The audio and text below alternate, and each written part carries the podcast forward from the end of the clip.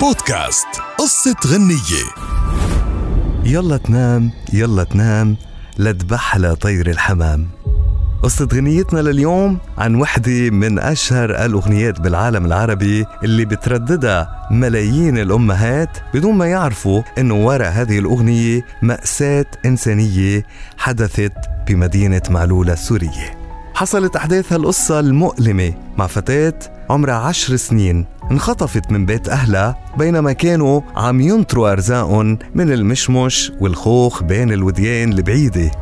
بوقت إجت مجموعة من البدو صارت تدور بساحات المدينة وبيوتها فلقوا بنت وحيدة بالبيت لوحدها. في هالوقت خطفوا البنت اللي عمرها عشر سنوات.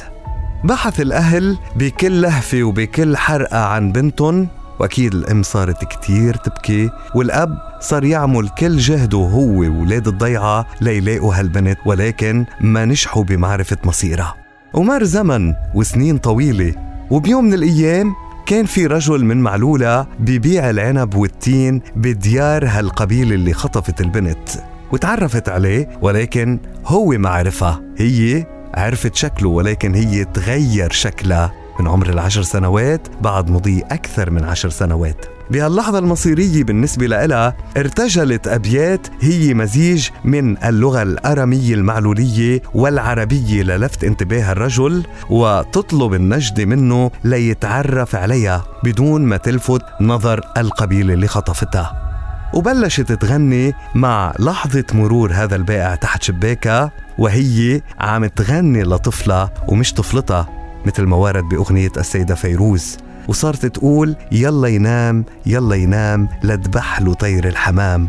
هي هي يا بياع العنب خبر أمي وبيي خطفوني البدو وبقرتنا حمرة سمينة وكلبنا نحيف سلوقي فهم البياع من معلولة مغزى الكلام وتعرف على البنت اللي انخطفت وكانت عيلتها عندها بقر حمرة وكلب نحيف سلوقي وقام بنقل الرسالة لأهلها ورجع بلهفة ليخبرهم بمكانه وإن على قيد الحياة. ولما اتجه الأهل إلى ديار البدو لاسترجاع بنتهم ما لقيون للأسف مثل ما معروف البدو بيتنقلوا بيترحلوا كتير ولكن اللي صار إنه بقيت الحسرة بقلوب الأهل وخلدت ذكراها بتلك الكلمات البسيطة العميقة المليئة باللهفة والأشواق. ووصلت الكلمات للأخوين رحباني اللي أعادوا صياغتها وغنتها السيدة فيروز بصوت الساحر. وتغيرت الكلمات لتصير يا بياع العنب والعنبية قولوا لأمي وقولوا لبيي خطفوني الغجر من تحت خيمة مجدلية وعتشت شي عتشت شي والخوخ تحت المشمشي إلى آخره. يا بياع العنب. والعنبي قولوا لأمي